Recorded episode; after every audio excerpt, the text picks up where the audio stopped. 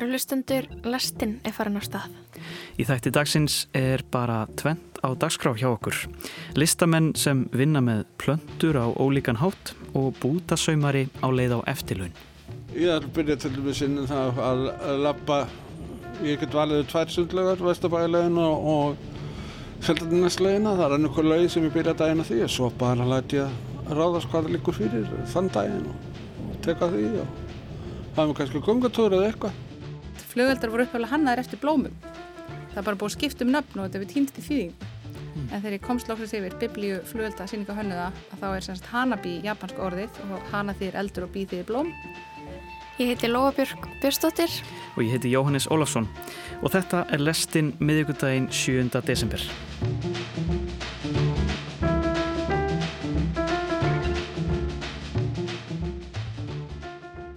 Við ætlum að byrja þáttinn í dag á jólasögum reillistanema.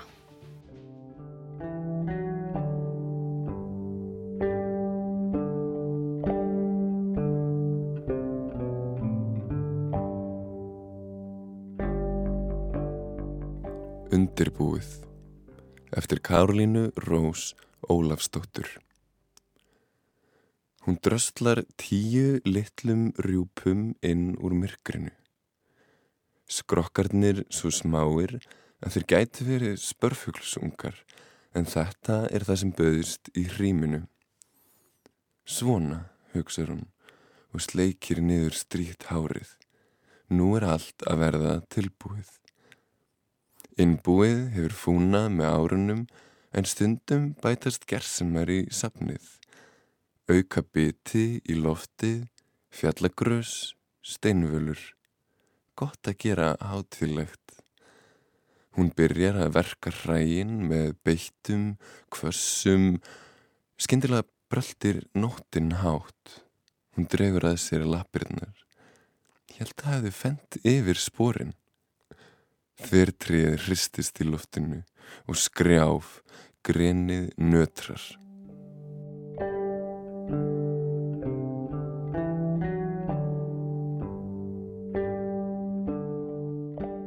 Blik í augum eftir mörtu Marju Jónsdóttur. Þú stendur á tánum og tegir smáa fingur eins langt og þú nærð. Sleppir, gjóar augum eftir fleiri kúlum og pókum. Stríkur loðin ring, heldur neyri þér andanum, einbeitt, hengir kúluna varlega á hálstorknað grenið heimagjart skraut úr glitbláum glanspappir og djúbröðum pípurhinsurum. Snýrðir að lúnum pappakassa og dregur upp litrikt boks. Liftir lokinu, skríkir af gleði og réttir mér snjókvítan fuggl. Glóandi augun leiða mig upp ilmandi bartrið. Við tillum smávöksnum unga efst á stingandi toppin. Þú klappar af ákafa.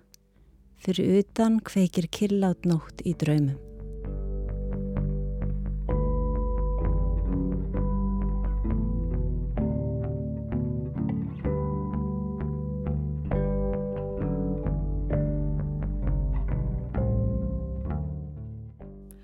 Upplæstur úr bókinni Greni, þetta eru jóla örsugur reillistanema sem við munum heyra hérna í lastinni fram að jólum. Já, en hingað í lestina eru komnir tveir góðir gestir, tveir listamenn sem eiga það sammeilegt að vinna með blóm eða plöndur en á mjög ólíkan hátt. Ég heiti Sigga Sofja og ég er sagt, með verkefni sem heitir Eldblóm, dansverk fyrir flugöld og flóru þannig ég er svona að tafla saman blómum og koreografi. Okay.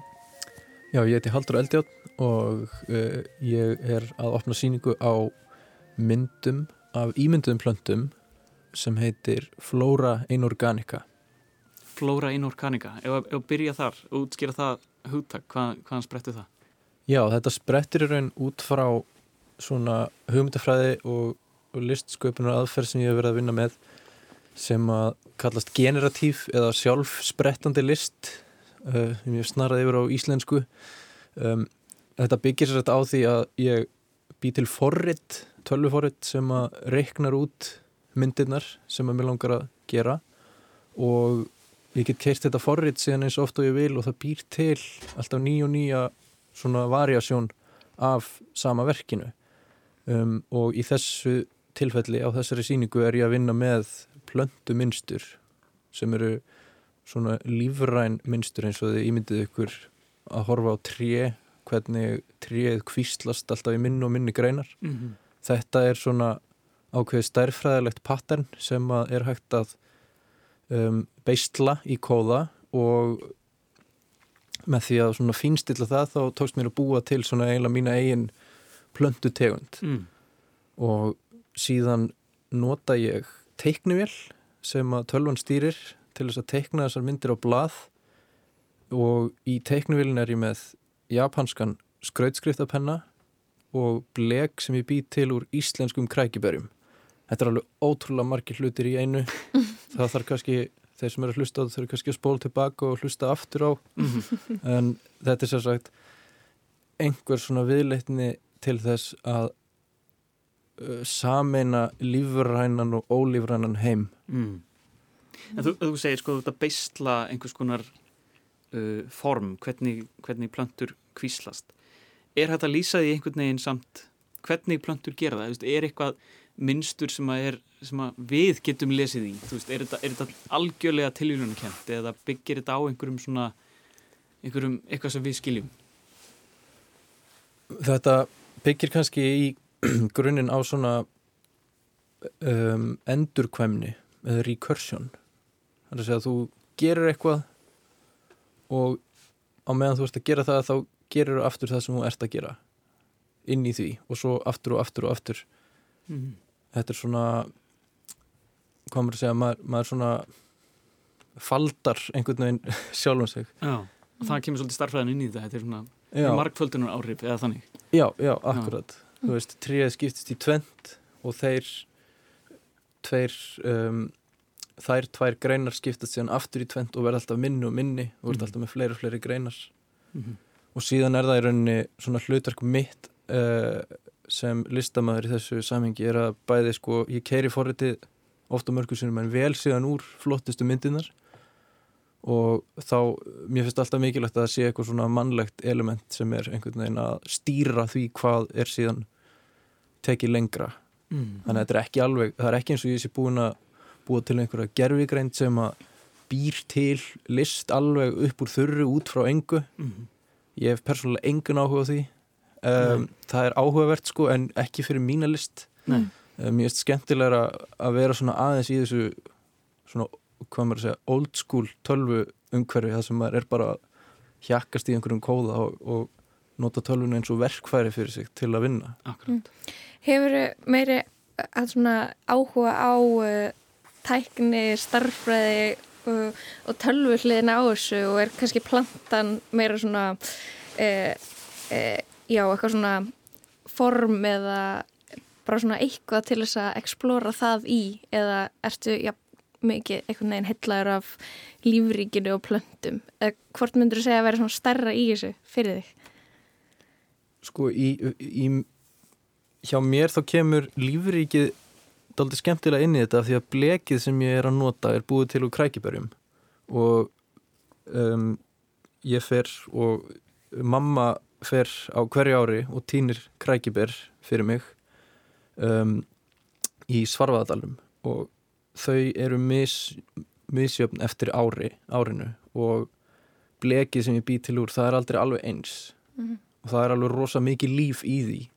Ég þá til dæmis að blanda það með etiki og salti svo að það mikla ekki, ég hef nokkur sér lendið því að það er miklað svo hef ég lendið að myndinar hafa horfið af því að það er festast ekki í pappirinn mm. þannig að það er alveg rosalega mikið lífríki sko fyrir mér sem kemur þar inn í. Ég kannski ekki alveg svona hefðbundna plöntu plöntu skilningnum mm -hmm. sem að lífríkið kemur inn þetta fyrir mig heldur meira í blekinu og svona tilvíljarnar sem verða þegar þetta lendir á pappirnum mm, ummitt En ef við færum okkur að Sigriði Sofía, þú, þú ert að vinna með blóm uh, en, en sko, þú ert á svolítið öðrum eiginlega öfum forsendum og Haldur er búin að vera að tala um. Það er að taka eitthvað sem er ólífrænt og gera það lífrænt. Já, og, en ég er samt sko þú talar um starffræði, sko, ég held að ég hef aldrei unnið að mikið Excel eins og síðustu árin af því að ég semst hefur verið að gera svona stórar hérna, display flugöldasýningar Mm. Og bæði í samsendingu á flugöldasýningum og hérna, þessum verkum sem ég var að gera að þá er gríðarlega flókin sáningar forskrift Mm. Er það eitthvað út fyrir þinn þægindarama?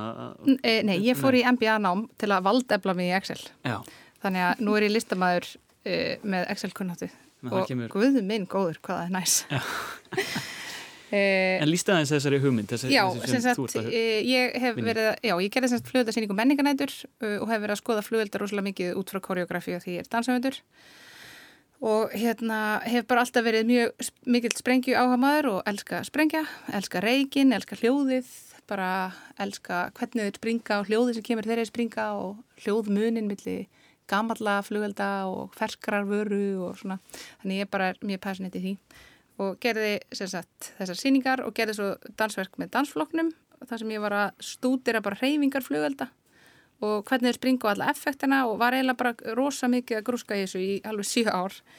Og vissi ekki að e, flugöldar og blóm eiga sagt e, gríðar miklar tengingar. Og ég var eiginlega búin að vera að vinna með flugöldi í síu ár á þess að vita það að sagt flugöldar voru upphefla hannaðir eftir blómum.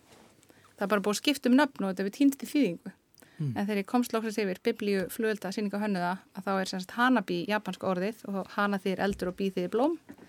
Og minn sást í þessari bók stendur bara 1584 að þar var í fyrsta sinn gerður flugöldur og það var bara einhver Japani sem sá blómið krisanthemum sem bara krísa eins og ömmur okkar rækta út í gardi og píóni sem er bondarós og þeim fannst þessi blóm bara svo stórfengleg að þeir ákveðið að gera skúltur úr eldi og byggu bara til fyrsta flugöldin í líki blóms og þetta er svo basic þegar maður veit Já. af því bara upp springur stilkur og svo springur út blóm. Og ef þið rífið hérna njálsbrennu miðan af kössunum þá skal ég bara eiginlega hengja mig upp á það. Það stendur hérna, það stendur Weeping Willow sem er grátvíðirinn, það stendur þannig bara, þetta er allt blómið að trí af asískum uppruna Þegar þú segir þetta þá er er maður bara já, auðvitað. Auðvitað. Þetta lítur nákvæmlega út þess að þetta blóm. en, en svo bara veit þetta enginn og, svo, veist, þegar, og ég var alveg bara í tvö ár að fá heimildir um þetta því að það er bara svo lítið skrifað um flugölda og veist, það er ekkert svona konkrít um þetta þannig að það er bara í einni bók sem ég fann sem þessar upplýsingar eru og ég gæti svona staðfest þennan grunna því ég er búin að vinna bara með flugölda pöntunarlista og því ég var alltaf með eitthvað sakura ég vissi ekki að sakura er kirsubæratrí og þú veist, píóni, ég vissi ekki að það væri ennska orðið yfir þannig, þegar ég Google translataði alla listana þá fattaði ég að listanir, flugölda pöntunarlistar eru á spænsku og fransku og ítölsku, þú veist, það er bara svona kakofónia af tungumálum sem er ofbáslega skrítið líka. En þannig að þú ert bæðið sko búin að vera að láta fólk dansa eins og flugöldar Já. og svo ertu búin að vera að kóreografa flugöldasýningar og svo núna kóreografera blóma, Já. já. blómstur eins og það líkist flugöldum. Já, sem sagt bara þegar ég fattaði þessa tengingu þá fekk ég hugmyndur um hvort ég geti ræktað flugöldasýningu og þá bara ég var að vinna með sama skorið, þú veist, alveg eins og ég sem hann eitthvað verk fyrir flugölda þá er heiminin sviðið og ljósið er dansarinn. Að þá ég segi, ok, ég geti gert sama skor þannig að ég sprengi upp sömu sýningu og ég rækta. Og þá er komin ótrúlega skemmtileg stúdíu á tíma af því að flugöldurinn líkir eftir lífsferðli blóms á fjórum sekundum sem gerist annars á fjórum mánuðum. Þannig að þetta er hægfara flugöldasýning blóma. Þannig að til þess að ég geti sprengt það sama þannig að ég gerir fyrst flugöldasýninguna með ákveðnum tegundum blóma og lita og einmitt bara og svo þurfti ég tvö ár til að finna akkurat þessi yrki, þú veist, fá dalíu í þessum litbriðum með gulri miðju og bleik, þú veist, bara þannig að þetta væri nákvæmlega það sama. Og þá þegar maður gerir þessa sáningar forskrift þá þarftu náttúrulega að sá þannig að þú veist alveg eins og flugöldasýningin springur fyrst bleikt, svo gullt þá þarf ég að sá í februar einni lín af gulu, svo þarf ég að býða í viku. Svo sá ég bleiku svo býði ég viku svo sá ég svörtu og svo býði ég viku og svo framvegis, þetta er rópaslega tímafrægt og svo semst, planta maður þessu í gardinn og svo yfir sömu tíman þá semst, springur þetta út í sama síkvens, semst, sömu koreografíu þannig að blómin eru dansararnir. Já. Og þú ert í raun að færa flugöldana heim. Veist, þeir, þeir koma frá blómum og verða svo flugöldum og svo flugöldar og aftur að blómum í rauninni. Já, En Þetta er líka inn í umræðinu um sko, umhverfismál vegna þess að við erum búin að ræða núna ár eftir ár uh, hvort við eigum að sprengja svona mikið af flugöldum á, Einmitt. á áramótunum sem eru mörg tonn af flugöldum gríðarlega mikið og hvað við eigum að gera í staðin? einmitt. Er þetta eitthvað sem við getum gert í staðin eða er þetta að hugsa þetta þannig? já, algjörlega. Við, sagt, e, við erum með verkefni sem heitir hérna ræktaði flugölda, þar sem að þú getur keft núna fyrir jólinn svona lítil gafabref sem er brot úr þessu listaverki, þar sem að þú fær að senda hann heim kassa með fræjum og nýðum og laukum og í februara þá getur þú sáð sjálfur, þannig að þú fær bara kassa, svo þarfst þú að kaupa þig potta og mold og rækta þetta sjálfur. Og þá færðu þína eigin flugöldasýningu og þetta er svona, ymmit, verið að reyna að benda á að, þú veist, framtíðin held ég, veist, ég elska flugölda ég elska að sprengja Mhm. en þetta er ekki eitthvað sem við getum leift okkur lengur og þú veist, sérstaklega við sem erum yngri þú veist, við bara verðum þú veist, erum held ég miklu meðvitaður um bara þú veist, það er ekki hægt að gera allt sem er gaman veist, stundum þarf maður bara að neyta sér um eitthvað skemmtilegt. Og það er óslega erfitt að neyta sér um eitthvað skemmtilegt. En mér finnst skrítið að við skulum ekki öll vera meðvitaðir um það í, eins og umræðin er núna. Mhm. en til dæmis eins og þarna, veist, við þurfum ekki að hætta öllu sem er skemmtilegt. Við getum gert, þú veist, tíu fljóðarsýningar á ári sem væru sameigilegar stórar sýningar. Uh, því að sko áramótin og smásalan eru svo brjálaðislega stórt hlutfall og mikið mengandi og smávaran er miklu meira mengandi það eru svona lítil unit og hver bruni, það er miklu verri vara. Veistu hvernig hlutföllin eru? Sko, já. ein, ein stór ég, ég, sko, síning, skoða, menninganótt sko, ég skoða þetta fyrir hérna, fyrir þreymur árum þannig ég ætla ekki, ekki að hengja mig á tölfræðina þannig að þeir bara sendi mig tölvupost og skafi mig fyrir ranga tölfræði en þegar ég skikta á þetta þá var semst, 650 tonn af flugöldum eru sagt, það sem er keft fyrir ármótin og bara ásöðu nesla á landsvísu bara. Já. á landsvísu, Já. já. og ein flugöldasýning menningarnettur sem ég hef gert er 800 kíló þannig að þú getur basically gert sýningu nánast á hverjum degi heilt ár það er bara alveg svona brjálaðislegt magn Til þess að fylla upp í Já, ein áramót. ein áramót, ein áramót eru bara já, á við 300 sýningar þannig að mér finnst eh, algjörlega að fólk ætti ekki að vera að gaggrína einstaka flugöldasýningar sem eru síndar veist, það á að vera gaman, þú veist, það er æðislega flugöldasýning í hérna oh, hérna það sem ísjakandir eru hérna. Jökulsárlón. Jökulsarlón, þakka fyrir.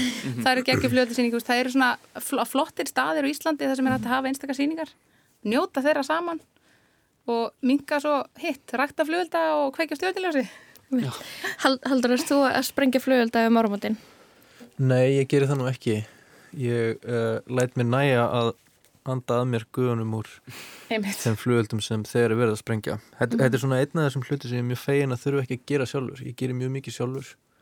Bara smíða og uh, bara djöblast í öllu einhvern veginn. Þannig að mjög fínt bara að sleppa við að sprengja flugölda Og líka bara einn tald um menguruna, hún var til dæmis eins og ég fyrir algjörlega yfirgengileg. Þetta bara það sveif svona ský yfir og bara, þú veist, börn og dýr með lúnavandamál, þú veist, maður er alveg svona þú veist, hversu mikið ætlum við að eitra umhverju okkar? Þú veist, við erum að verða eins og mingurinn þú veist, við erum bara að tortíma okkur sjálfum með Já, við erum farin að krossa fingur sko um að fá vind til þess að koma svo aðeins frá. þú veist, þetta er alveg svona, ef kannski bara aðeins að slaka á. Haldur, er, er umhverfispólitík í, í verkuninu mest að vinna með uh, svona loftslagsvanna, ertu að hugsa um, um þessa hluti? Er ástæða fyrir að þú ert að láta tölfur teikna plöntur? Er ekki eitthvað sögn í því? Já þetta kannski gæti mögulega að gefa manni hugmynd sko ef maður fer í svona hvað ef stellingar og uh, endilega ekki uh, fara að taka þessu bókstaflega en ef maður myndi bara ímynda sér að, að plöntur myndu deyja út á jörðinni þá væri náttúrulega mjög stutt í að við myndum deyja út líka sko. En ef maður myndi ímynda sér bara að það eru hirfu að þá eigum við allavega til velrænar aðferðir til að skapa eitthvað sem líkist plöntum til þess að fylla í tómið svona rétt á meðan. Þetta er kannski einhver vinkill. En jú, ég reyni að hugsa út í umhverfið og þetta er náttúrulega þetta er allt eðslað þetta á pappír og, um, og til dæmis annað verk sem ég með á þessari sýningu er svona já, í setni tíð hef ég svona hugsað mér tvisar um með það verk af því að það er náttúrulega snýst bara um pappirsæðslu en ég sér að bjóð til uh, velræna svona hengiplöndu sem að er í raun kvittanaprentari úr búð sem að er inn í mjög fallegum ramma, hangir upp á vegg og prentar út uh, svona hengiplöndu minnstur uh, mjög hægt þetta er svona kannski 10 cm á dag og það er ljósmælir inn í bóksinu, hún tengdu við tölvu og minnstrið sem kemur á streymilinn sem legur hérna niður úr, það fer eftir ljósmagni í rýminu þannig að eftir nokkra daga þá ertu komið með metur af strimli fyrir fram eða þú sérð hvar dagarnir hafa verið og hvar næturnar hafa verið. Þú getur svona lesið í Mm. pappirinn. Mhm, bara svo plöntur vaksa í sól Já. Um, En þetta er kannski svona klemman sem kannski loftslags með þetta er listamenn er í. Þegar listin er fann að fjalla á einhvern hátum umhverfið eða loftslagsvanna uh, á ég þá að vera að búa eitthvað til? Hvernig get ég gert listaverk þar sem ég menga ekki, flugölda menga uh, kannski hvaðan komið þessi fræ uh, þú veist að nota pappírverkin þú veist. En þá, þá erum við bara að byrja en á maður þá bara að sleppa þessu. Það er eitthvað sem gengur heldur ekki upp Ég held þetta sé kannski spurningum að menga á réttum stöðum og að hugsa út í hvað gerist eftir að þú mengar, hvernig þú getur lámarkað uh, skadan af því. Ég er til dæmis mjög hrifin að þessari hugmynd með að vera freka með fáar og góðar flugveldasýningar í staðin fyrir að sko sprengja tonn. mörg hundruð sem króna terturinn í einhverjum götu botni og bara, þú veist, enginn sér það nema sá sem að kveikti í fólki 30 metra radius Það er Já. til dæmis í Buenos Aires, það er sko, hérna, algjörlega geggjuð, eða hvort það er í Copacabana, það er 18, metra, nei, 18 kilometra strandlengja og það eru þessu 18 skotstaðir samhæft skotið upp og það bara koma allir á sama staðin og þú veist, sjá bara mesta trilling í heimi. Ég er með svona, setja át í kosmósið, er með svona draum um að einhver tíman verði ég beðin um að gera þessa flugöldarsýningu. setja át í kosmósin. En ég ætla að segja með þarna, að þú veist að tala um umhverfismálinn. Þú veist, það er svo ókslega mikilvægt að setja ekki á sig einhverja pressu um að breytast í einhvern heilagan listamann sem, veist, við erum ekki fullkomin, við erum mennsk.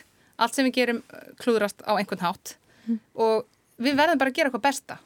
Og ef að eitthvað verk sem við getum gert getur vakið fólk til umhugsunar eða þú veist, það er líka að fyndið að einhver listamæður sem hugsa bara, ó, ég vil ekki prenta einn út þennan pappir og svo erum við að leita, leifa einhverjum skemmtufæraskipum að brenna einhverju svartolíu, þú veist, sem mengar meir en líftími minn að eilifu, skilur, eða þú veist. en þá er mitt þá líka frjósa listamennir Já, en ég veist, þess að segja bara, veist, setja fókusin sinn á, ég, eða ég mér svolítið setja fókusin minn á, ég ætla bara að gera aðeins betur, bara hverju ári, bara reyna að gera aðeins betur. Og eins og til dæmis með verkefni eldblóma, að það hefur einhvern veginn uh, óvart og ekki óvart, þá hef ég orðið mjög meðvitið um eiturefni í umhverfinu og óvart er semst vörundar sem við erum að gera að breytast í pínu svona einhver statement pieces um eiturefninótkun. Við erum semst að gera drikk þar sem þú getur drukkið flugvelda frekar en að hérna, sprengja þá. Sérst, blómin voru edible þannig að við, mér langaði svo að gera eitthvað við þau þannig ég eimaði þau og sérst, er að gera drikk sem við kynntum á hönnunamars og ég vil meina að það sé mjög há prósent af samtímadansi í þessum drikk. Þetta að koma í ríkið á næsta ári, við erum í svona tilhörnafasa. Og þar fannst mér bara svo, þú veist, áhugavert, talað um sko glögt er gegast augað. Ég hef ekki verið í matvæla framleyslu en hérna, ég var að skoða hvaða efni, þú veist, það þarf að setja eitthvað til þess að auka hérna hillulíf. Að sjá sko litarefni og rótvortarefni og svo lestu litla textan og þetta er allt krabbmisvaldandi efni. Og það stendur alltaf bara svona, notaði í ofmiklu magni, er það krabbmisvaldandi? Og nú er ég nýbúin að klára krabbmislíða meðferð. Og ég er rosa til í að drekka ekki eitthvað sem er krabbmisvaldandi. sem er smá krabbamessvaldandi Og mér finnst bara ókvæmlega skrítið að, þú veist, fyrirtæki almennt séu, þú veist, mér finnst það vera að koma í bylgja á, ég vil frekar að einhver hlutur renni út og ég þurfa að kaupa hann aftur. Ég vil frekar eða meiri pening í ferskari vöru. Mér finnst það vera framtíðin. Ég er núna að gera myndrykk án allra litarefna og mér finnst ótrúlega áhugavert að sjá að ef að það er litur á einhverju, þú ert alltaf myndlistamæður, þú þekkir þetta miklu betur, allt verður brúnt sem er heilbrygt, meiri þess að rababari eða það er ekki hægt að hafa lit á neinu nema þú setir það artificial í. Og núna einhvern veginn lappa ég um og bara horfi í hillunar og ég bara, oh my god, það er bara, þú veist, við erum að setja svo mikið rugglón í eitthvað. Og núna verður minn drikkur bara brún og það þykir í viðskiptaheiminum bara, heyrðu, það nú, og ég bara, heyrðu, viski er brúnt og þú veist, það er alls kynns fallegir amberlitir, Ég, og, bara, og mér finnst einhvern veginn spurningin verið einhvern veginn orðin bara, vil ég drekka eitthvað sem er með ógeðslega mikið aukaefnum eða vil ég hafa best fyrirtagsetningu og þú veist, auðvitað er það viðskiptamódel versus, Mm. já, Einmitt, Haldur, þú að lenda í þessu litinni sem að ég að fara, fara í plöntunar sem þú teiknar? Þú veist að nota eitthvað náttúrulega litarefni. Verða þau öll brún eða hvernig, hvernig fara þessu? Já, ef að ég lætt hérna, krækibærjablekið standa of lengi og ef það grýpur í sig of mikið súrefni áður en það fyrir pappirinn þá verður það brúnt að ég En þannig er að náttúrulega munir, þú veist, þú ert náttúrulega ekki að neyta verkana, þú veist, þannig að það er náttúrulega öðruvísi þegar það fer í, þú veist, þegar þú ert að borða það. já, já, Kannski já. allt annað að nota einhver aukaefni í blek, þú veist, sem er ekki til manneldis. Já, ég, það var mjög fyndið þegar ég var að rannsaka þetta fyrst um, þá var ég að googla eitthvað svona natural ink making og svona hvernig maður býr til blek úr náttúrulegum efnum og það voru mjög margar bandarískar heimildir sem að voru með rosalega góða uppskrift að alveg natural ink eitthvað. Og það var, þú veist, maður átt að sjóða einhver löfblöð og, og svo setjum maður smá salt úti til þess að það skemmist ekki og svo einn dropa af bremsu eitthvað sem er alveg bara bara einn ban eitraðasta efni sem þú getur fundið já. bara við. bara teskið pipar hérna. já. ég nota bara edik og salt úti og það hefur nægt til þess að festa í pappirinn og það miklar ekki þannig að ég er alveg mjög á hérna, ferskvöru bátnum í, í þessu samhengi sko. En ég held það líka að það sé pínu framtíðin og þú veist, ég held líka bara að við séum rosa heppin verandi listamenn að því að, þú veist, nú kynntist ég svolítið viðskiptaheiminum bara gegnum MBA-námið að sko við erum svo heppin að vera í raun og vera ekki háð einhverjum peningöflum að því að og það er ekki innrætt í okkur að græða peninga, við bara kunnum það ekki, við bara, hausin á okkur er výraður í hugssjón en ekki, þú veist, ekki money making einhvern veginn. Að, að er, að, veist, að þess vegna er rosa frelsandi fyrir okkur að við getum bent á allskins hluti og mögulega trendsett eitthvað, mögulega sagt, heyrðu, núna er tískan að drekka eitthvað sem er ekki, Sem er ekki hættulegt fyrir þig og það er, þú veist, það er töff að drekka ekki eitthvað sem er með ókslega miklu mataliti í eða, þú veist, það er töff að, eða þú veist, að ég skiljiði er að meina, bara, þú veist, við getum leift okkur að gera allskyns nýsköpun af því að það er alltaf lægi þótt að við töfum peninga því að það var aldrei markmið, Markmið, til að byrja skilji. með. Þannig að við getum, og það er eiginlega svolítið það sem ég er að vona núna með þessu, áf- þetta er semst bara vín, þetta er bara 20% vín sem að er hinn íslenski sprits og þú ætti að hellast út í kampavín, að því ég elska kampavín og það er helsutur ykkur, svo það setja ekki fram. e, og þar, þar finnst mér aftur bara aftur, svona bara conversation starter, ég bara, af hverju er drikkurinn brún? Af hverju er þetta að drekka flugvelda? Þú veist, mér langar bara að í matabóði skell einhverju sér flösku á borðið og þetta er bara einhvern veginn komi allskinn svona að málum bara í umræðina mm. sér frá því hvort að ég sé að gera eitthvað fullkomið eða ekki, þá er mér svona reynumæður að koma einhver umræða á stað Þetta er mjög áhugavert. En sko, kannski til þess að svona að lokum, draga aðeins saman ykkar ólíku verk og, og efnistök. Um, það er eitthvað með hennan svona líftíma plantna, þú veist, vöxtur plantna sem að svona, eh, ég er aðeins að hugsa um að fólk seti það svolítið í samhengi að upplifa list sem byggir á náttúrunni eða öfugt eða einhvern veginn þarna þessum mörkum.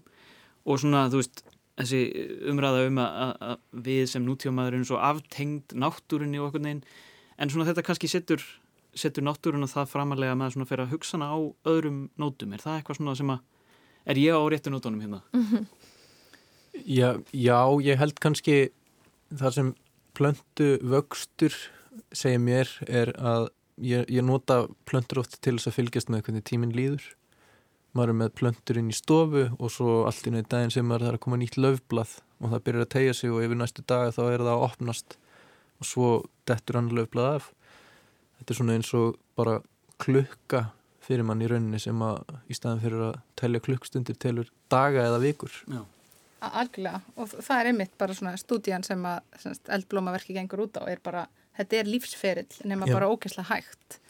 Og það er líka eitthvað svo fallegt og það er svo mikil núvindund í því, það er bæði talað um að það sé sko svo þerapjútist að vera í moldinni, þú veist, ef þú ert úti og þú ert að róti í mold, það er einhver efni í moldinni sem bara eru róandi. Og einmitt, þú ert að horfa á árangur á einhverju, þú veist, þú setur fræ niður og ef þú hlúir að því, þá verður eitthvað stórfenglegt. Og veist, eins og þessi blóm eru opaslega svona ekstravagant sem eru í þessum hérna, fræ hérna, kassa, þú veist, þú þarfst að hafa aðeins fyrir vorleikadæminu, en dalíðunir eru sko á starfið hambúrgara, þú veist, það, það eru hjúts blóm, það er ekki eins og hægt að kaupa þetta á Íslandi, þetta er alveg ógæðslega flott blóm. Og það er líka dóldi fyndið að því að þú veist, hérna, í garðrækt það halda allir ég sé orðin, þú veist, einhver garðiskufræðingur ég þekki bara blóm sem flugöldar hafa verið hannaðir eftir. Þannig ég er svona sérfræðingur í svona sex blómategundum og trjám svo veit ég ekkert um, þannig að hvað gerir við þennan ég, bara, ég veit það ekki, ég þekki bara hérna einhver risablóm sem er úrslega erfitt að hugsa um. Eða þú veist, ekki erfitt um leða maður kann einhverja likla þannig að en já, einmitt, þessi núvindund er líka eitthvað svo notalegt og líka bara, þú veist, eitthvað svona til þess að gera með krökkum, þú veist, að þau sjáu bara ef þú leggur eitthvað á þig, ef þú hlúir að einhverju, mér þetta líka bara svona konseptið af garðrækt er bara, þú veist, núna fengur börni mín öll að setja niður laug og þú veist, svo ef þú hugsaður vel um blómið þá dafnar það rosa vel og ef þú nennir ekki að hugsa það þá deyrir það Mhm. þannig að þetta er líka bara eins og með tónlistanám eða listnám bara ef þú æfir því einhverju, ef þú hlúir að einhverju þá verður það að einhverju Mhm. Þannig að Ég held að það sé bara mjög fallegt á, á þessum nótum að draga þetta spjall bara saman. Já, þakka ykkur kærlega fyrir komuna Sigga Sofía og Haldur Eldjátt Takk fyrir. Takk svo leiðis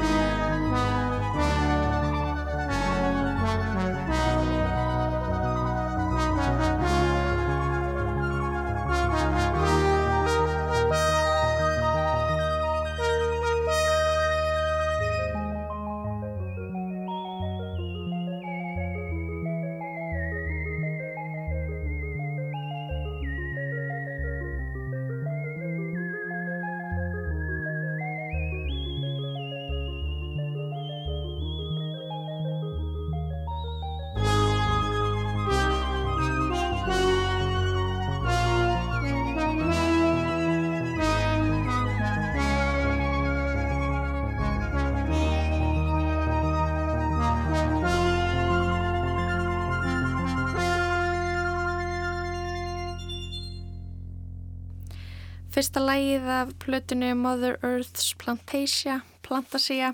Þetta er tónlist frá 1976, samin fyrir plöntur. Það er kanadíski ráftónlistamæðurinn Mort Garsson sem á heiðurinn á þessari tónlist. Emitt og fyrir þau ykkar sem að viljið skoða betur það sem við rættum hér á undan þá opnar Haldur Eldjárn síninguna Flóra Inorganica á morgun í Galleri Stak við hverjuskutu 32 og verk Siggu Sofju, Eldblóm, dansverk fyrir flugelda og flóru er hægt að kynna sér á heimasíðinni eldblóm.is.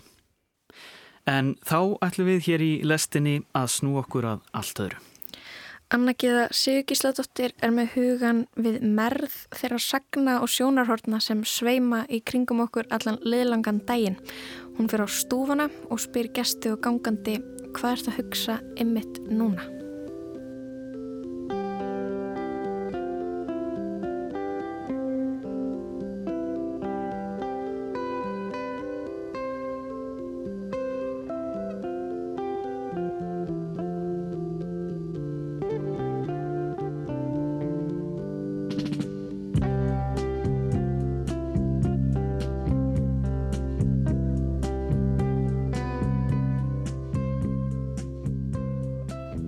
Hér ábreyðu ungverska tónlistamannsins Gabor Szabo af lægi Joni Mitchell Both Sides Now.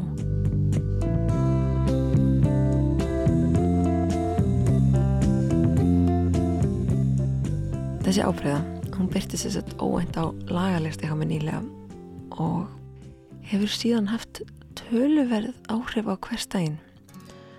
Mér er nefnilega lengi þótt mjög væntum uppunulega útgáðu lagsins ekki vita svo sem nákvæmlega hvort það tengis hljómnum melodíunni eða hvort það töfratnir leynast í textanum. Ég man að títillin reyf mig strax í uppafi Both Sides Now. Báðar hliðar núna. Og það er þetta núna sem að mér finnst svolítið aðeinsvært báðar hliðar ekki gær, ekki morgun ekki alltaf bara núna. Báðar hliðar núna I've looked at clouds from both sides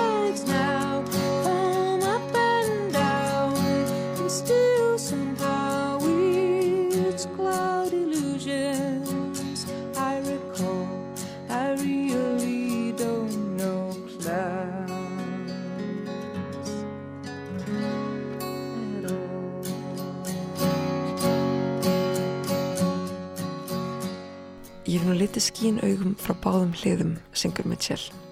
Frá ofanverðu, neðanverðu og samt, einhvern veginn, er það tálmynd þeirra sem ég minnist. Ég þekki skíin alls ekki neitt.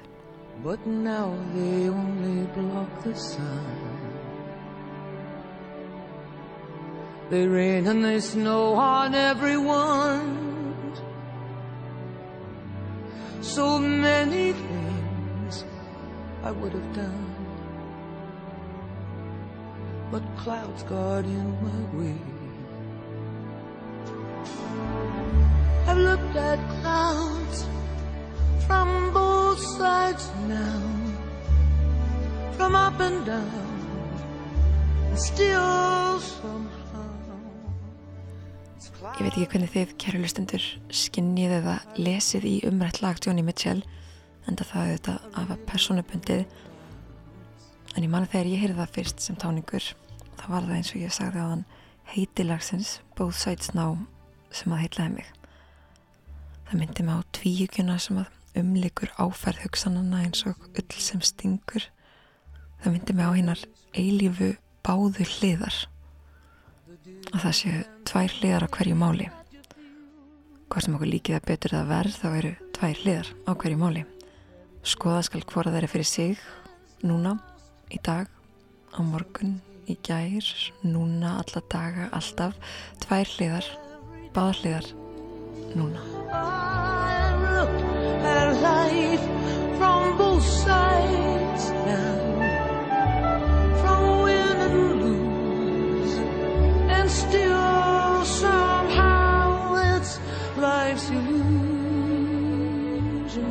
I recall.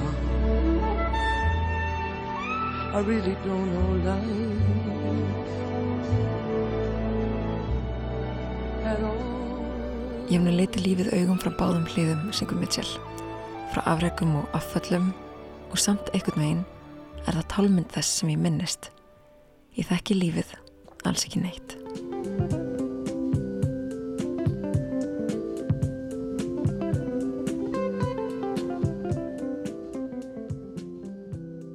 En svo heyrði ég ábreiðun hans Sabo. Þetta sérst ábreiða án söngs en einhvern veginn heyri ég textan þó. Og nú með allt öðru móti. Þessar tvær hliðar both sides now þær verðast ekki skipta mér jafn miklu máli og áður. Ég litið lífið augum frá báðum hliðum frá afrekum og afföllum og samt einhvern veginn er það tálmynd þess sem ég minnist. Ég þekki lífið alls ekki neitt. Í dag líður mér svolítið svo þessi ofur fókus á tvær ákveðna hliðar hafi haldið fram og aftur úr um augna minna skýrum en kannski blindað hliðarklukkana það er að segja öll hín sjónarhörnin öll hín ótal sjónarhörn alls sem að tengjast jú öllum sögum Það er eitthvað við þessa ábreyðu Gabor Zabor sem að minni mig á ullar áferð tvíhyggju hugsanuna minni mig á hvernig hún stingur og ótar þannig að mér hliðarklukkunum byggðum um að þrýfa þá en að meðan ég gera það að ég hlæja kómikinni í öllum þessum sjónarhörnum öllum þessum rúðum, öllum þessum sögum öllum þessu fólki þessum tengingum, þessu lífi, þessum óendanlega mörgu hugsunum sem flæða inn og út, inn og út allan lilangan daginn flestar án þess að við verðum þeirra vörenda um það byrjum 6.000 hugsanir á sveimi við sólaring hjá mandýrinu og nú, kæru hlustundur kemur að tilgangi þessar rullu sögur, sjónarhorn, hliðar og ó, hvað þreytti ég er á sögum en ó, hvað leðilegur hverstagurinn er án þeirra en það ó, vitundin kannski lítið annað en samsöða þessara ómeðutuðu minningabróta sagnana sem við innbyrðum, segjum, meðtökum og deilum og ó, að því gefnu hef ég ákveðu að fara á stúfana hér í lestinni næstu daga og bæta eins í sjónarhorna bankan með aðeins fleiri handáhanskjöndum sjónarhornum. Ég spyr, hvað ert að hugsa einmitt núna?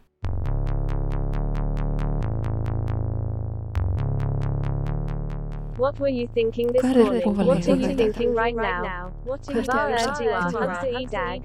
Right now. What were you thinking right now? What are you going to think I tried to get all up in your mind. It stops at a crime that I wanna make you mine. Þessa spurningu fær næsti aðali sem verður handháskjönd mér á vegi í dag. Leiðin til að finna þann aðala hef ég ákveðið að sé gegnum bílinn minn. Ég sest upp í bíl og keiri af stað, keiri bara eitthvert. Ég hlusta á innsæðið og stöðva bílinn þar sem að hjartað segir mér að stöðva. Í dag stöðvar bílinn á þjónustu miðstöð N1 stóragerði. Þar inni hitti ég starfsmann sem að kynni sig svona. Þetta er Pétur Guðmundsson. Skulum vona að tæki sko ætti ekki. að má því að ég glimt að hlaða gamla upptökutækið. Þetta er græja sem að var smíðuð um miðja síðustu öld og ég verð því stressuð um að skemmti tilhörn dagsins færi fljótt út um þúfur. Halló, halló, halló, halló, halló. Getur þú lagar þetta pýruna? Hvað er? Halló, halló, já, þetta ætti að virka. Tækið verðist virka enn sem komið er þannig að við dempum okkur í djúpilögina. Hvað ert þú að hugsa í dag eða þessa dagana? Hvað er svona efst í huga? Ég þannig það að ég er að fara á eftirlaun. Um áramótin, það er svona það sem er aðst í huga hjá mér. Það. Og hvers konar hugsanir tengdar eftirlaunum eru að poppa upp? Það er hvað hægt er að gera og, og, og svona komur að vera með rútínu lífinu mynda hana vera ekki sko, slaka ekki á neinstæðar. Hvíður fyrir þessu? Ertu spenntur? Ég hvið ekki fyrir þessu. Þetta er eitthvað sem að ja, liggur fyrir öllum. Þannig að mann þurfi ekki að vera neitt að kvíða fyrir neina. Þú talaður um rútínu. Já.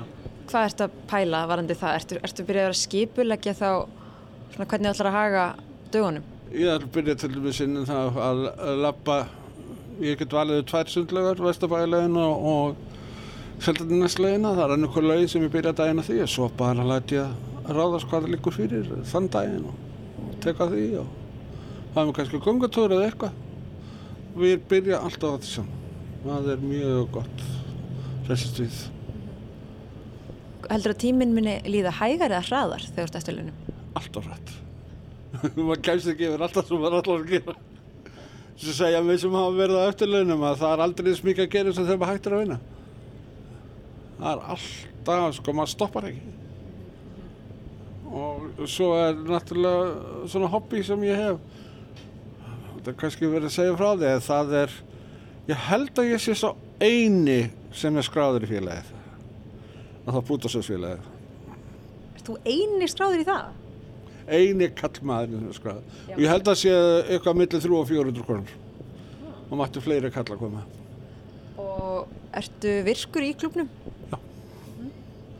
mjög virkur, eða þannig að séð það er bara komið í veg fyrir það hérna að maður geta mætt að fundi þessu vaktar. Maður fundur á morgun og þá er ég að frívætt og ámætti maður. Og hvað, hvað er það síðasta sem þú saumaðir? Ah, það er teppi sem ég hannaði alveg frá A til Ö. Og að svona. Svo er ég að fara að byrja á öðru. Getur þú líst í útlitið þannig að við, við hlustendur fáum uh, er, þetta er eiginlega svo tvinnakefli sem eru sko sett saman. Og það eru 400 eitthvað 79 eða 480 tvinnakefli. Og það er hvert tvinnakefli búið til sjöbútum og reikniði nú. Og hvað er teppið í dag? það er hjá franda mínir sem að ég gaf þetta teppi. Og þetta er alveg skilst eina teppið í heiminni sem er með þetta mustur Hvernig fannst þið það út? ég, ég hef ekki reykist á neinum blöðu meðan einstara netunleitt eða neitt Af hverju var þessi frændi fyrir valinu? Af hverju gafstu honum teppið? Já, já ég veit það ekki. Ég vil það þannig þegar ég býti teppu þá er eitthvað sem að kemur upp í hugan sem að, já, hann fær þetta. Svo býð ég bara til að anna og Þannig að ættingja þínir með að eiga vona á teppum í jólgjöf í ár. uh, ég slum ekki segja neitt um það. Ekki neitt um því. En hérna, já, vá, spennandi, eftirlaun, hvert er það gammal? 70 er það? Og svo að fólk verða að spyrja sko uh, hvort þess ekki hægt að selja þetta. En ef það ætti að selja svona teppi að það var eitt sem ég pantaði efni í eitt teppi sem að ég byrja ekki að alveg strax. Þá kostur það 75.000 krónur bara efnið í það þannig að það tekur um halda ár til eitt ár að sauma teppi Hefur reiknað út hvað, hvað andverið teppisins væri í rauninni ef þú reynir að meta þína eigin vinnu og allan annan tíma og efniskostnað? Ánægja. Ég get ekki sagt þetta, ég hef bara gaman annars, væri ég. Svo hef ég líka verið að vera það að mann, sko, konur spyrir sig, þetta er allt og dýrt, eru rándýra saumavélar og allt saman. Já, ég til þess með saumavélar, á að það er þrjár, að sem kostar frá 67.000 og upp í tefla 800. 800.000 saumavél? Vá, wow. eru þær gamlar eða nýjar? Uh, þessi er, þessi dýra, hún er nummer 2 í rauninni frá bað og nýjasta vélina frá þeim kostar um 1,3 ár. Og svo vil þannig að þú talar við hana. Vá! Wow. Og meiri er þannig ef ég er að fá með kaffe þá bara læti ég henni sauma sjálfa.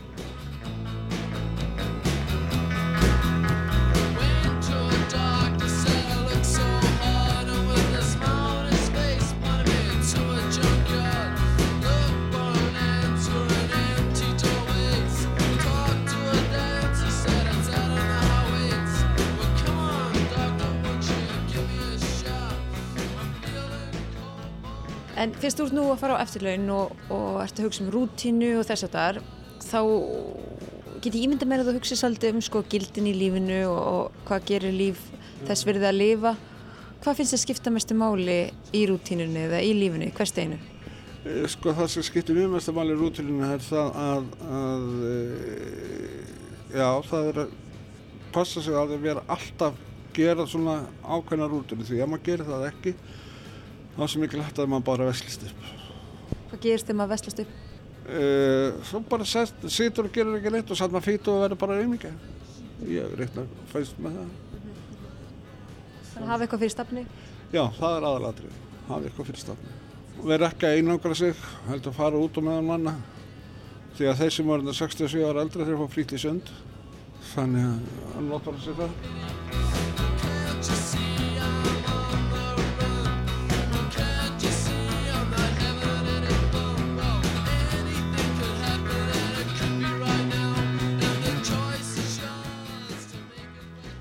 Pétur um að líti yfir farin starfsfyrirlin og spurði hvort hann væri til í að deila með okkur eftirminnilegum augnablikum. Það fyrsta sem kom í hugan var þetta hér. Þegar ég var að dansa um að heilga Tómasilju balletdansara undir stjórn Erik Bíðstæði í þjóðluguslu. Og við hvað vannstu þá, segiru? Ég var að læra ballett. Þá kom ég ljós að Pétur hefur starfað við ímiskonar mismandi störfi gegnum æfina. Ég spurði hann nánar út í starfsfyrirlin. Nú, ég kom fram og ég telli allt upp. Hvað endilega? Ég uh, byrjaði fimm ára hjá Danskóla Herðars Ragnars, fór þaðan yfir í uh, listaskóla þjóðlugusins, fór í píunatíma hjá Karl Billig, svo var ég í sílingaflokki hjá Heiðari Ástóðs í 16 ár, síðan fór ég í vélstjórnum og vann við það. Þannig fór ég í rafendavirkjul og meðan ég var í vélstjórnáminu þá tók ég flugprófin líka. Og ég var komið með aðtunum flugprófið áður en soloprófið er alveg út. Og það er svona helst það. Ég vinn núna í dag sem, já, hvort maður eða segja byssugutti eða slungutemjari hjá enn einum ég nefnir stóragerði. Segjum slöngutemjari. Já, maður getur sagt slungutemjari. Hérna, þannig að þú hefur unnið við alls konar. Já. Þú hefur áhuga á mjög mörgu, heyrst mér. Ef það er að gera eitthvað þá ger ég það. En það er svolítið skörp beig að fara sko úr ballettans yfir í uh, vélstjóranám. Já, það var ástæði fyrir því. Það er vegna þess að ég fekk svo heftalega verk í bakið og ég gati eiginlega ekki staðið eða setið lengi og þá var ekki umneitt annað ræð en að hætta því að ég var komin að hjá bólsöðballettinum í Moskvuðum virta og það við sengilaði hér þá núna þannig að ég var bara hægt að og svo er það versta við það að öllu að ég fóbrotnaði fyrir fjórum ára síðan og þá kom ég ljós hvað var hjá mig í bakkinu allir tíma Hvað var það? skakt vinstra snið og vinstra fætti Býtunum við, ég skil ekki, var, var, var þá, var eitt fóturinn skakkur? nei, hann var þannig að hann var 12 mm stittri Og það gerði að verkum þú vekst bakverki. fór svo, fór svo í göngugreiningu og, og fekk innlegg og það lagaði þannig að síðslega fjögur á það hef ég verið að byrja því að nota fótinn aftur. Þannig að byrja eiginlega að ganga upp á nýtt og beita hann Hvernig var líðaninn þegar þú fekst þessu uppgötun allt í hennu? hún var bara, ég, ég, ég get eiginlega ekki líst, ég var svona grimmur út í út í þarna þá sem uppgötuði þetta ekki strax. Hann sagði bara skurðlæknir sem gerði aðgerðin og gerði það fótbrotan hann sagði, nú, þú erum skakt nýja svo blótaði ég honum í sand og ösku þegar bú, búið með þess að fóturinn á mig lengtist um eitt centimeter en svo hugsaði ég bara nú, fínt, ég hef þetta þó. Ok. Þá var það bara búið, ég hugsaði ekki neitt meira um það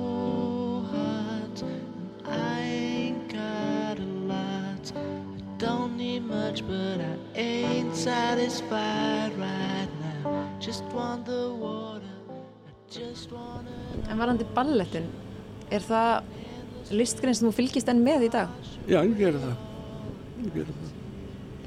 Fór til þess að hnotubrjótin og það var virkilega gaman að því og líka svanavatni. En þar var það eitt sem hún gerði, hún áfarið svona 37 snúningar, við fórum ekki nema 35. Taldir í ringin þá? Ég er nú fann að minka það svo leiðis, að fyrst eftir ég hætti hjá sjónarbyrðu þá var nei, ég nefndi ekki að horfa á þetta. Og sá maður alla kalla En núna bara horfum ég fram í það.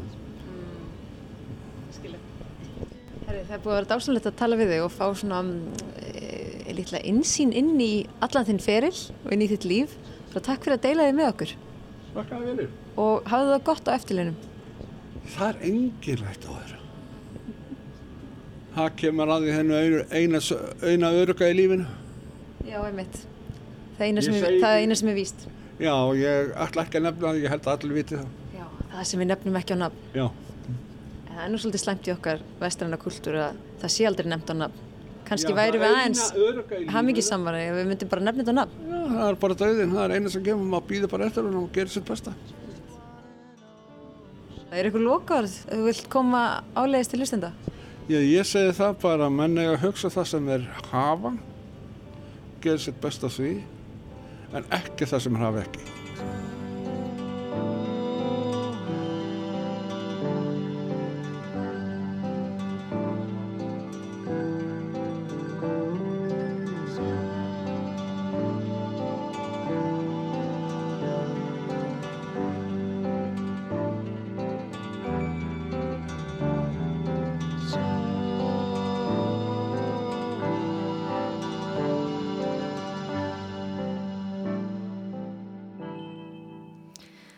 Viðmælandi önnugiðu var Pétur Guðmundsson, slöngutemjari eins og hann kallaði sig sjálfur á enn einum stóra gerði. Og lægiðan í lokin var So Hot, Wash Away All My Tears með Spaceman 3. Einmitt, en lestin verður þá ekki lengri þennan daginn. Við höfum fjallað um flugelda, ræktun, tilviljana tré og bútasum. Já, tæknumæður þáttarins er Þorbjörn Gísla Kolbrunusson og við Lóa og Jóhannes þökkum samfélgin í dag. Við verum hérna aftur á sama tíma á morgun. Verðið sæl.